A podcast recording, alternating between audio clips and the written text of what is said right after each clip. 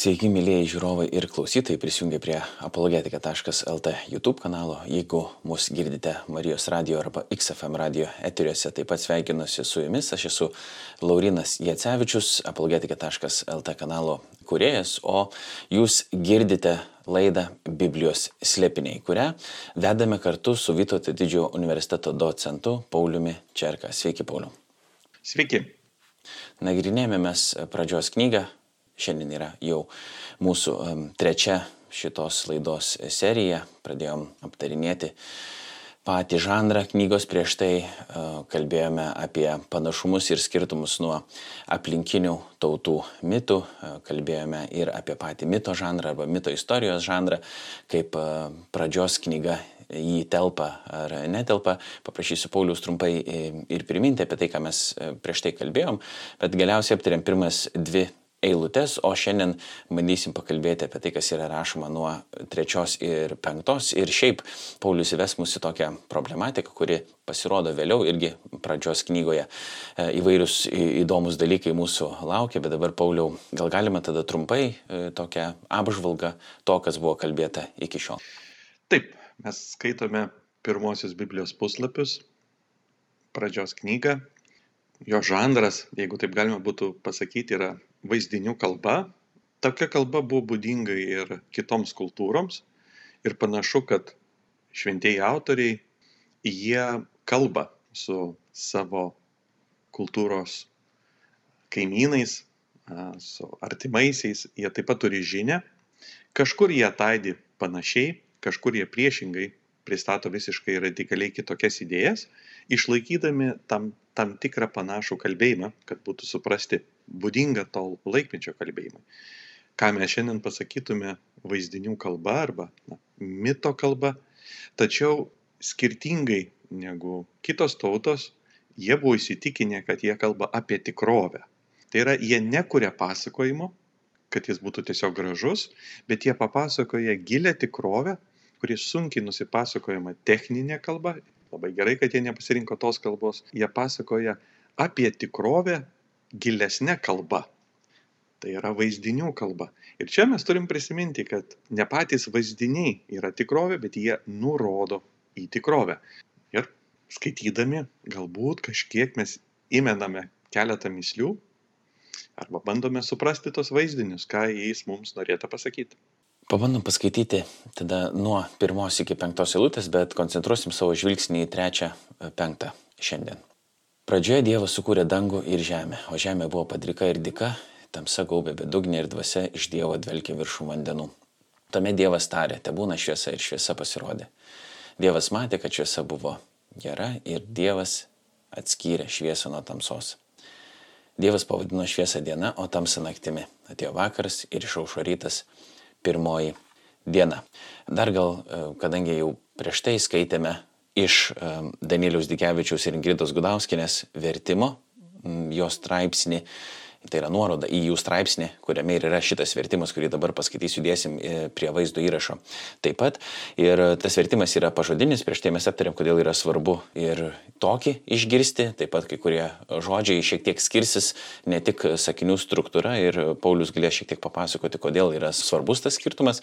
Tad dabar nuo trečios iki penktos perskaitau iš jau minėtojo pažodinio vertimo. Ir sakė Elohim, te būna šviesa ir buvo šviesa. Ir matė Elohim ta šviesa, kad gera, ir skyrė Elohim tarp tos šviesos ir tarp tos tamsos. Ir šaukė Elohim tai šviesai diena ir tai tamsai pašaukė naktis. Ir buvo vakaras, ir buvo rytas, diena viena. Tad e, keli gal svarbus dalykai, aišku, čia iškyla. Ir pirmasis tai, kad Dievas tarė. Jau kalbėjom prieš tai, kad e, Dievas, biblinis Dievas, jisai nekovoja su tam tamsos jėgomis, jos jom chaoso jėgomis, jos jam nesipriešina, neturi tikros galios, bet Dievas uh, jas tvarko. Ir tvarko sakydamas, tardamas uh, žodžiu. Apie tai šiek tiek gal pakalbėti. Taip, iš tikrųjų, uh, kaip mes turėtume suprasti šį vaizdą, jog Dievas kalba, atidžiau pasižiūrėję į visą pirmąjį pasakojimą, praktiškai tą pirmąjį skyrių, mes pamatytume, kad Dievas kalba dešimt kartų Ir tai jau yra mums tam tikra nuoroda, kad mes susidurėm su vaizdinio kalba, nes akivaizdį simbolika, Dievas lygiai dešimt kartų kalba. Ir dešimt kartų mes išgirsim Dievą dar ne vienoje scenoje kalbantį. Lotiniškai tai yra dekalogas.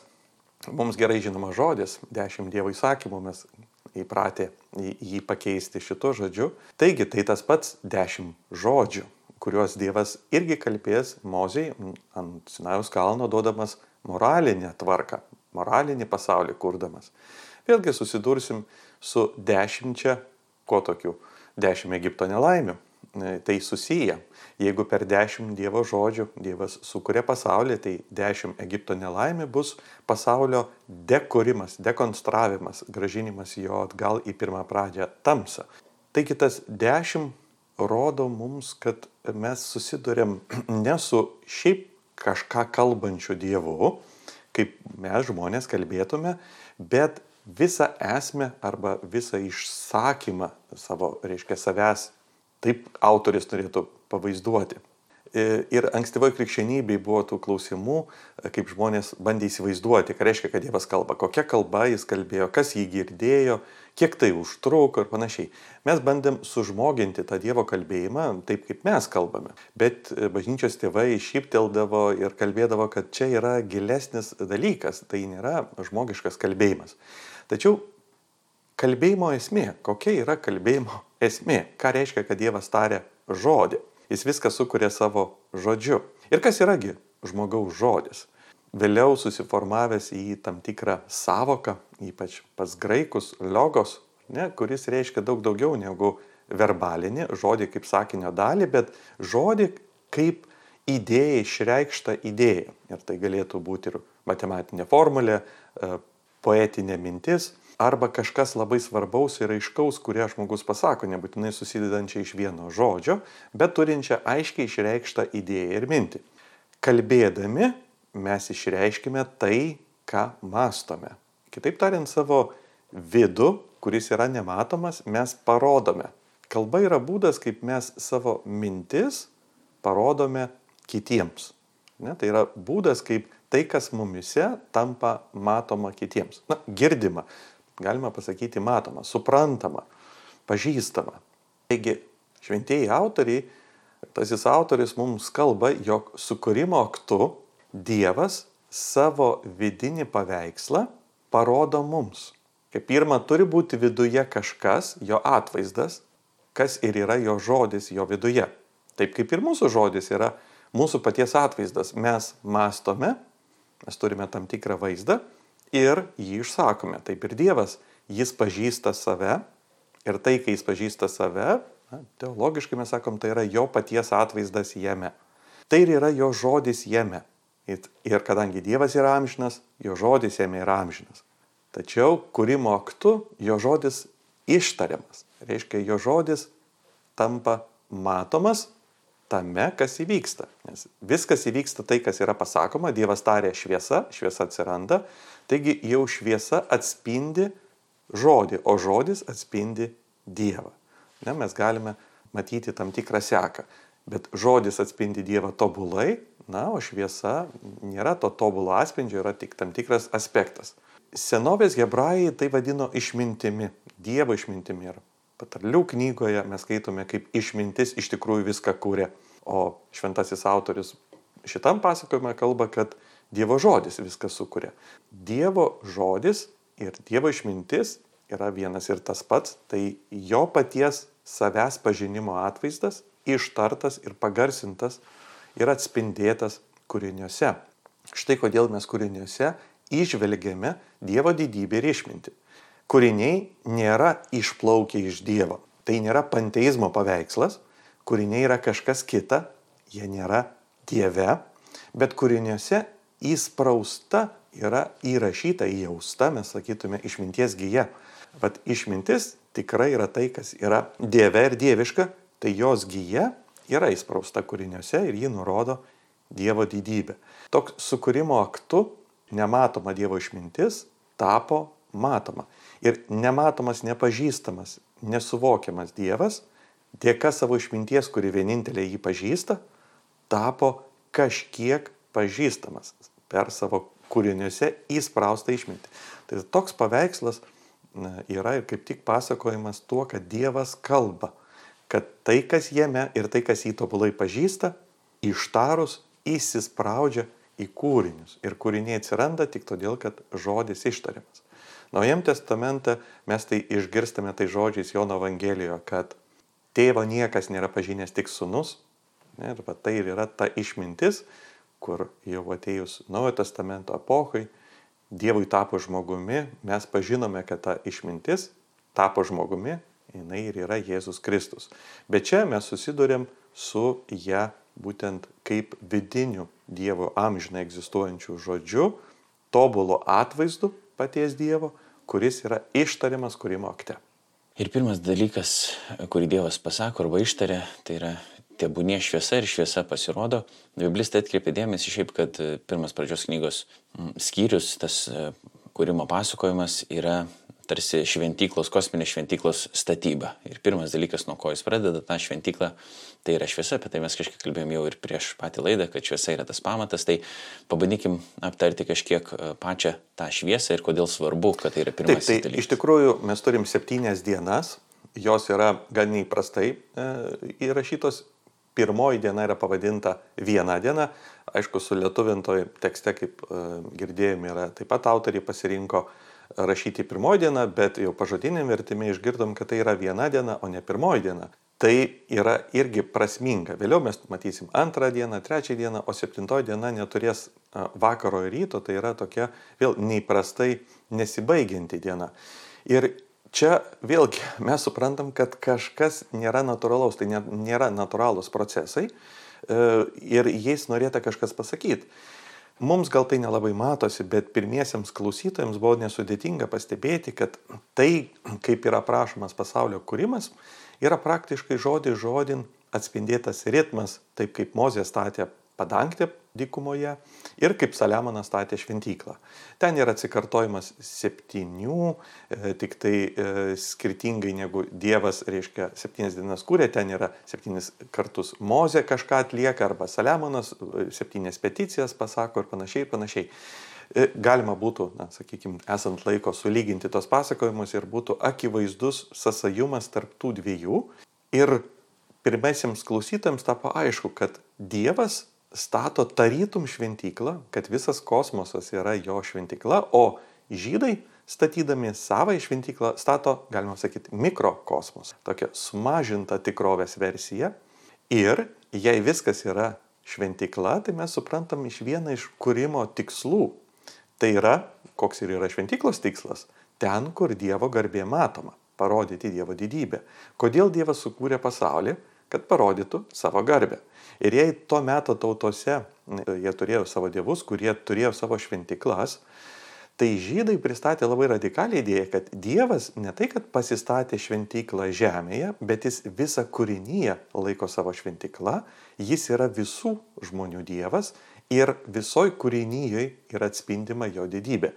Tai yra labai na, radikaliai idėja, taip nemastė jokie iš tautų. Dažnai dievai buvo vietiniai, lokalūs, jų veikimo teritorijos apsiribodavo tos kultūros veikimo teritorijomis, o žydai pristatė, kad Dievas yra visako autorius, plus viskas, kas sukurta, yra jo šventikla, parodo jį. Ne, tai tokiu atveju pirmoji diena tam tikrą prasme yra pamatas, iš ko viskas statoma, kaip šventikla turi tam tikrą eigą, tai mes pradedam nuo to, iš ko yra statoma, nuo tam tikro pamato. Ir tai būtų tikrovės pamatas. Šiandien turbūt jau ir fizikus netaip stebintų teiginys, kad šviesa yra tikrovės pamatas, juk Einšteino dėka mes žinom, kad energija A lygu mc kvadratu, taip, jo kad visa mūsų materija gali būti konvertuojama į energiją. Ir iš esmės tai yra energija. O energija ir šviesa taip pat gali būti konvertuojamas viena į kitą. Ir tam tikrų būdų mes galime pasakyti, saliginai, kad visa, kas yra, visa, kas yra materialu, iš esmės yra šviesos pagrindu. Ta šviesa tai čia ne saulės šviesa, bet tam tikra prasme tikrovės pamatas energijos pamatas, kodėl vis, kodėl vis tik kažkas yra. Ne, mes matėm, kad pirmos eilutės pradedam nuo to, kai nieko nėra, bet tai yra pasakyta vaizdiniu tamsa ir kodėl kažkas yra, nu, todėl kad yra šviesa. Šviesa yra tas pamatas, iš kurio bus pastatyta pasakojime vaizdinys yra šventikla, o mums tai yra tikrovė. Ir Aišku, kartais mes norime to labiau šio laikinė gamtamokslio kalba papasakoto pasakojimo, nes mes turim klausimų kaip visuomenė, ar ne, kaip dabartinis žmogus, mums smalsu yra, kaip viskas čia keitėsi ir formavosi, tai čia mes turim nusivilti šiek tiek. Mums šventasis tekstas to informacijos neduos, bet jis duos kokybiškai kitą informaciją, jis parodo, kad tai, kas yra, yra Dievo šventikla. Tai, tai yra, e, na, irgi be galo svarbu žinot. Taip mes nesužinom, kiek metų e, vyko procesai, kas po ko sekė, nors kartais tenka girdėti, ar ne, kad tos dienos yra mums konvertuojamos galbūt į evoliucijos etapus. Nu, tai atrodo labai priimtina. E, aš negaliu nei paneigti, nei patvirtinti to. Tai yra jau gamtamokslinė kalba ir čia reikia nusimanyti, e, kalbant apie tai. Autorius šventasis vis tik kalba apie kitus dalykus. Jis nori mums parodyti, kad tai yra šventyklos statyba. Ne, tai tą mes turim suprasti. O kaip jinai vyko gamtamokslio kalba, aš manau, kad mes vis bėgant laiku vis daugiau ir daugiau tai suprasim ir turi kalbėti tada tie, kas na, apie tai kažką nusimano. Jeigu Mozė arba šventasis autorius ar ne būtų žinojęs tas gamtamokslio slėpinius, kuriuos šiandien po truputį atskleidžia mums mokslas, greičiausiai izraelitai būtų labai technologiškai pažangi tauta. Na, jie tikrai būtų sužinoję kažkokius tai nežinomus dalykus. Šiandien galima susidurti su tokiu požiūriu, kad šventajame rašte mes perskaitome to meto kultūroms nežinomus mokslo pasiekimus. Tačiau panašu, kad tiek, kiek mes, mes žinom iš istorijos, izraelitai nepranoko savo kaimynų technologinė prasme. Jie nežinojo nieko, ko nebūtų žinoję to meto kultūrose Egipto ar Babilono civilizacijos. Ir priešingai, jie buvo gan maži ir neženklus civilizacinėse pasiekimuose. Jie dažnai kopijuodavo juos, o nebūdavo išradėjai. Jeigu iš tikrųjų Mozė būtų žinojęs tos gamtos liepinius, greičiausiai jie būtų labai pažangus, gal jau turėtų iPhone daug anksčiau negu mes, ar ne? Bet taip nebuvo. Jie išsiskyrė kitais parametrais - etika, morale, teisė, kultūra ir religija. Tie ties dalykais jie iš tikrųjų išsiskyrė, bet gam, tą mokslinių pažinimų panašu, kad ne. Taigi, maty, ieškoti šventame rašte tų dalykų, kurių nežinojo net patys autoriai, na, gautasi toks truputį keistas, e, keistas supratimas. Tai mes turėtume matyti, ką jie mums nori parodyti. Tai yra tikrovės pamata, šventyklos statyba, kad viskas, kas yra, yra tarytum Dievo šventykla, kurioje jis pastatys ir savo atvaizdą, ar ne, žmogų, ir išreikš savo didybę. Ne tam, kad Dievas būtų dar didingesnis, bet tam, kad didybė būtų matoma. Toliau parašyta yra taip, kad Dievas pavadino šviesą dieną, o tamsą naktimi. Apie tamsą dar irgi bus progų pakalbėti, bet aš noriu atkreipti tą patį žodį pavadino. Ką reiškia, kad Dievas pavadino, tarsi davė vardą šviesai ir davė vardą tamsai. E, iš to, kas pasakyta jau akivaizdu, kad tai nėra, kad Dievas kažkaip sugalvojo dabar pavadinimus tiesiog visiems dalykam, kurie egzistuoja, po to, kaip yra parašyta, kad e, pa žmogų buvo atvesti gyvūnai ir jis davė tiesiog pavadinimus tokius, vyko procedūra tiesiog pavadinimų tokių, bet kad ten yra e, gilesnė kažkokia prasme. Tad ką reiškia, kad Dievas pavadino Na, šviesą dieną? Iš principo, kaip ir šiandien, kas turi teisę kažką vadinti. Tai dažnai mes e, leidžiame vadinti, pavyzdžiui, jeigu kažkas pastebi naują kosmoso kūną e, ar planetą, e, jis turi teisę suteikti pavadinimą, tėvai turi teisę pavadinti savo vaikus. Iš esmės tai yra valdžios išraiška. Ne, tam tikrą prasme valdžios išraiška ir Dievas vadindamas savo kūrinius parodo, kad jis juos valdo. Galėtume pasakyti turbūt tą idėją. Ir mums labai svarbu pabrėžti, kad mm, šiuo atveju jisai valdo dieną ir šviesą, jos taip įvardydamas, ir jas atskiria, atskiria laike. Ar ne, taip kaip yra atskirta diena ir naktis, vienu metu nebūna vienas ir kitas, reiškia, jos tai yra atskirimo būdas laiko pagalba. Ir turbūt e, labai svarbu pastebėti, kad jis atskiria šviesą nuo tamsos, bet nesunaikina tamsos apie jos sunaikinimą yra parašyta apriškimo knygos paskutinėme Biblijos knygoje. E, minima, kad nakties daugiau nebebus, bet čia staiga mes randam netikėtą Dievo sprendimą - nesunaikinti nakties e, tamsos, bet pavadinti ją naktimi, duoti jai tam tikrą tarytum erdvę, atskirti taip ją valdyti, bet vis tik palikti. Tai šiuo atveju mes matome, kad ta pirmoji kūrinyje, dabartinė kūrinyje, joje egzistuoja fizinis blogis. Jis nėra panaikintas, čia reikia pabrėžti mūsų ausim, kad tai skambė, skamba gal neįprastai, Dievas nesukūrė moralinio blogio. Bet e, fizinis, tas mm, trūkumas tam tikras, netobulumas išlieka. Ir kūrinyjei būtinas na, būdas tokia, kokia jinai yra šiandien, tai yra gera, kad taip, taip yra. Iškai Dievas nėra moralinio blogio autorius, bet jis palieka tamsą kaip fizinio blogio na, likutis reikalingas kūriniai vystytis. Toks būdas, per kurį pati kūrinyje bręsta ir auga, nes Dievas ją sukūręs, jai palieka erdvės vystytis. Jis jos uh, nepadaro galutinėje būsenoje, jis palieka ją keliaujančią. Tai, va, tai yra nuoroda, jog Dievas valdo tamsą, ją įvardina, bet jos nepanaikina. Skirtingai nuo kitų uh, na, epų, Ne, dažniausiai e, ta tamsa būdavo kažkaip naikinama ir, ir, dažn, ir, ir niekaip e, tie dievai nerasdavo jai vietos savo na, kažkokio tai pasaulyje. O žydai mąstė, kad Dievas panaudoja fizinį blogį mūsų brendimui ir jis yra reikalingas. Tarytum, tai jis turi gerą paskirtį, Dievas gali ir jį panaudoti. Dėl to jis, jis yra, jo išmintis ir pranoksta, kad jam nebūtina kažko išnaikinti, kad jis galėtų tai panaudoti. Pabaigoje penktos eilutės rašoma atėjo vakaras ir išaušo rytas, e, pirmoji diena arba ir buvo vakaras, ir buvo rytas, e, diena viena. E, kažkiek kalbėjom prieš laidą, kad tas skirtumas tarp pirmoji diena ir viena diena yra pakankamai svarbus. E, gal galima šį šiek tiek jį paplėtoti? Na, iš tikrųjų, e, jau matėm, jau mes kalbėjom, kad Dievo sukūrimo aktas yra amžinas ir jis iš esmės yra vientisas.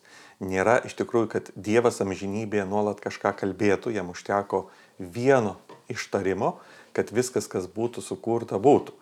Tai tas akcentas, kad yra viena diena, yra, yra ir yra nuoroda, kad Dievas sukuria vienu savo sukūrimo aktu.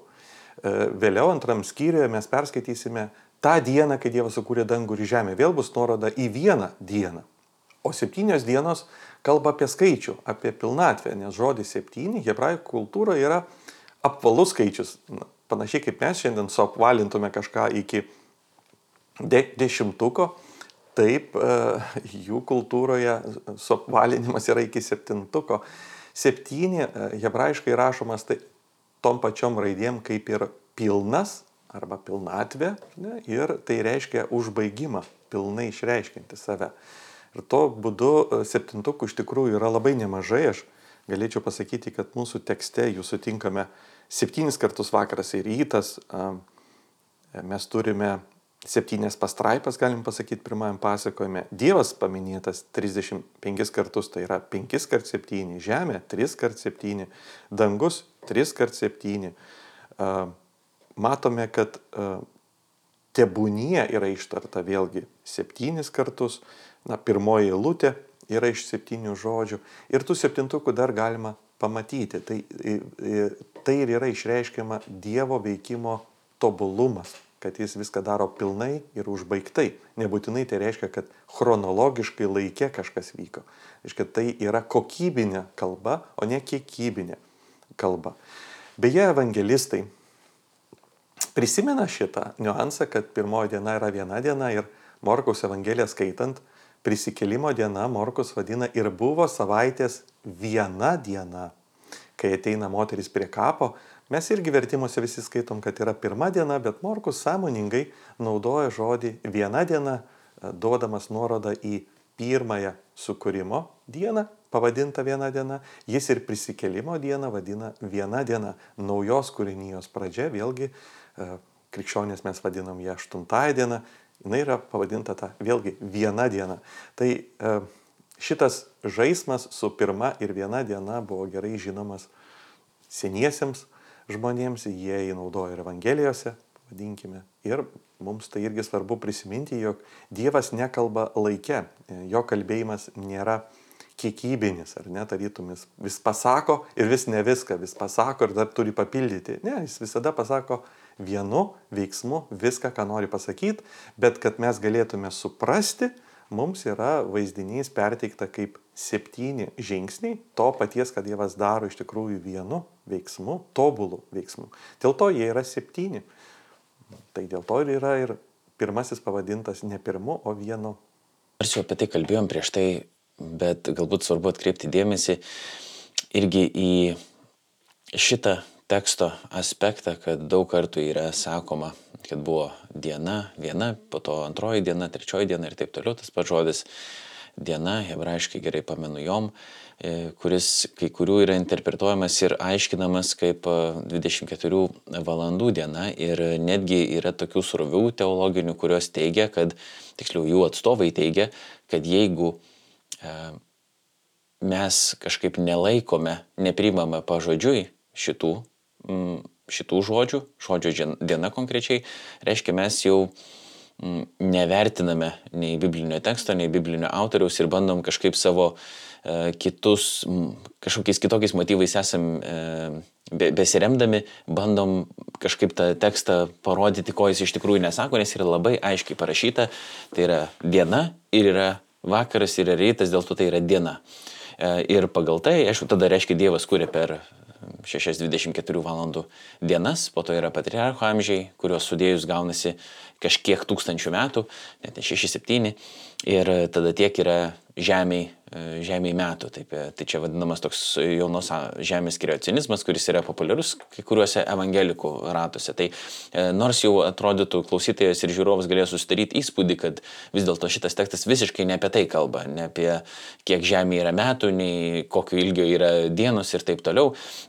Nepaisant to, aš žinau, kad vis dėlto e, yra žmonių, kurie klausys ir žiūrės, kuriems šitas klausimas neduoda ramybės. Ir neduoda ramybės būtent todėl, kad yra labai daug kalbėta apie tą žemės amžių kaip vieną iš pagrindinių dalykų, kuris netgi atskiria e, krikščionį nuo nekrikščionių arba tikrą egzegetą nuo prasto egzegeto ir taip toliau. Ne? Kiti visiškai gal priešingą įspūdį turėtų ir, ir sampratą, bet um, pabandykim gal į pabaigą laidos kažkiek apie šitą dalyką pakalbėti ir apie tai, ką reiškia tas pats žodis diena vakaras ir rytas, kokia yra to reikšmė ir riboti, sakykime, laiką, tai 24 valandų.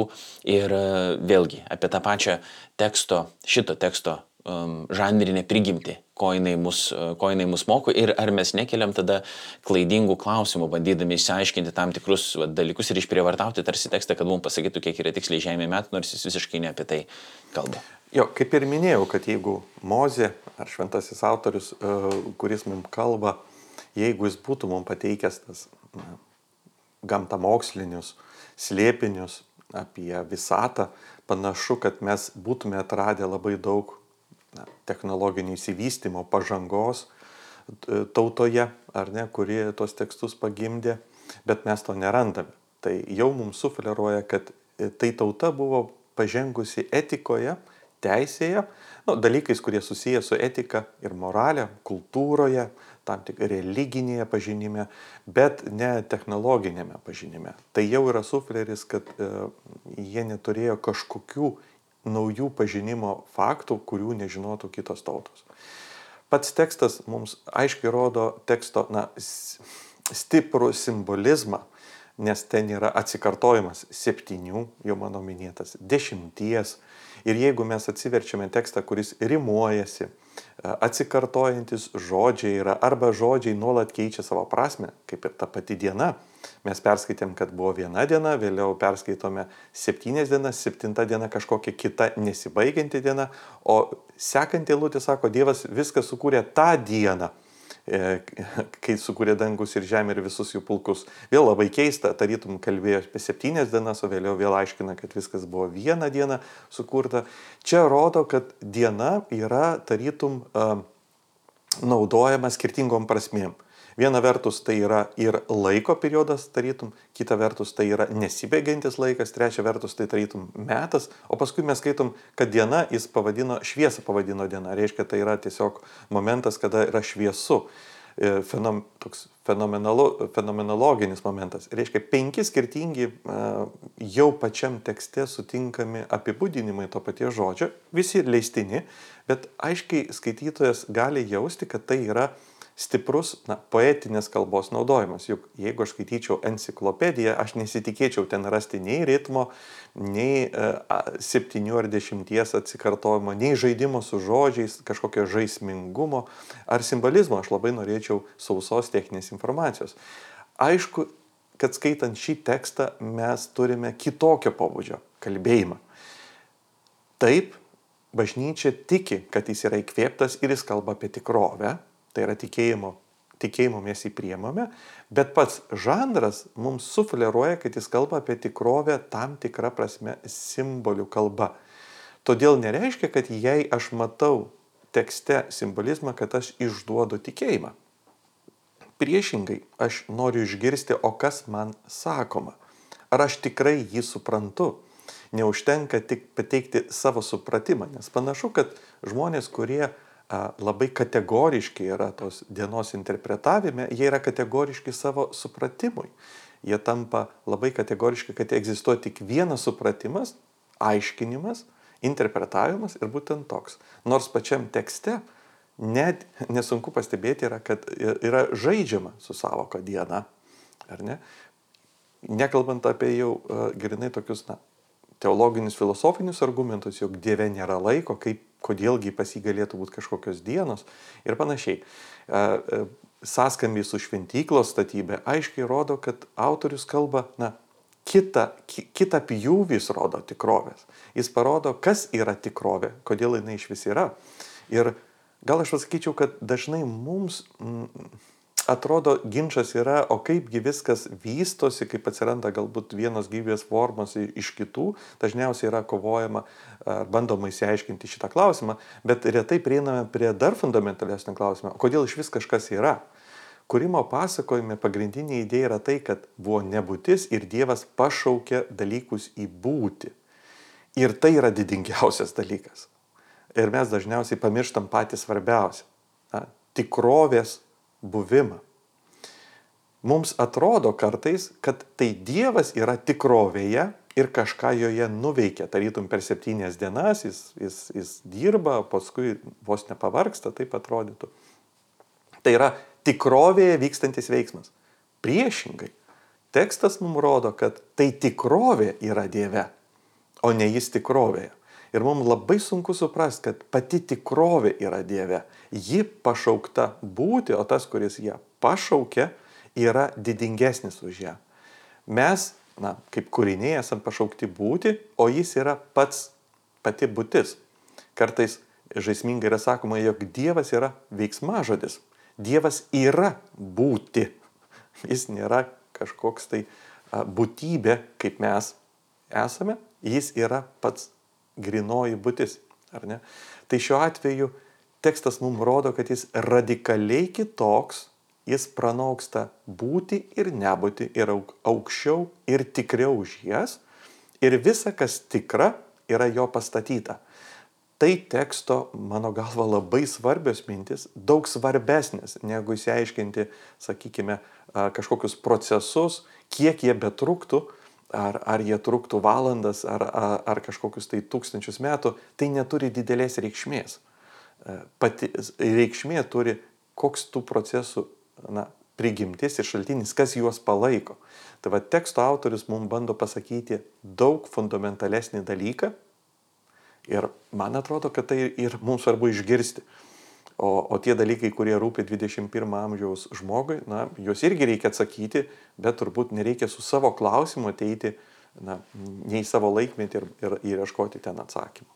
Toks e, kontrargumentas šitai pozicijai būna ir tuo mes tikriausiai pabaigsim, kad e, ne vien tas žmogus, kuris ateina su tokiais klausimais, jis nori įsiaiškinti, kas jam yra svarbu, nors taip irgi neretu atveju būna, bet kad e, toks teksto interpretavimo būdas matant daug vaizdinių, kalbos ir simbolizmo, e, veda prie slidaus šlaito. Tai reiškia, kad jeigu čia jau matom vaizdinius ir simbolius ir galbūt, kad taip nelygiai taip buvo, Tai reiškia tada, kad pradėsim ir kitur Biblijoje matyti, kad gal ne tai buvo, gal tada ir Jėzus ne visai prisikėlė, gal tenais vaizdinių kalba kažkokia yra pasakyta ir jisai kūnų neprisikėlė, galbūt ir Abromo tada nebuvo, tai irgi yra kažkokių vaizdinių kalba, gal yra tai kažkokia nu, kolektyvinė tiesiog patirti sudėta į vieną tokį asmenį.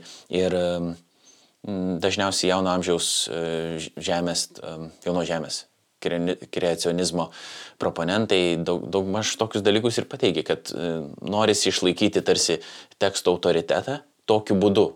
Ir kad jeigu pradėsi interpretuoti vienus dalykus kaip vaizdinių kalba, kitus dalykus kaip jau tikrai buvusius istorijoje, kitus kaip dar kažką, nebeaišku, kur kas baigėsi ir tada iš vis viskas išskysta ir pasimeta. Tai kaip būtų galima sureaguoti?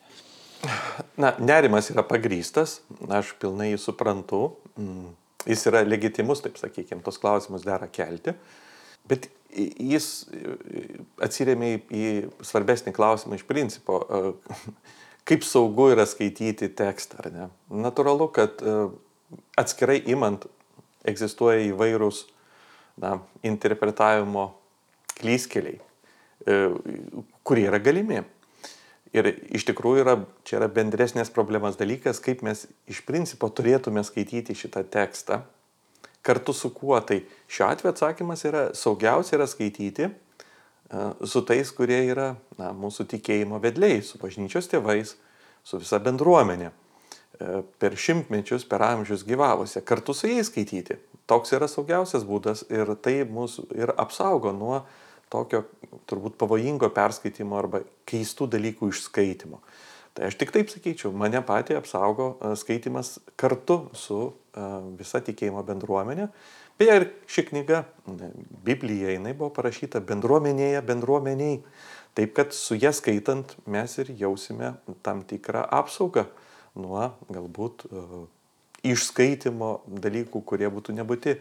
Bet kalbant apie tą kreacionizmo požiūrį, dažnai atrodytų, kad bažnyčios tėvai na, visada perskaitė tik tai 24 valandų e, dienų e, pasakojimą, tai, tai nėra taip.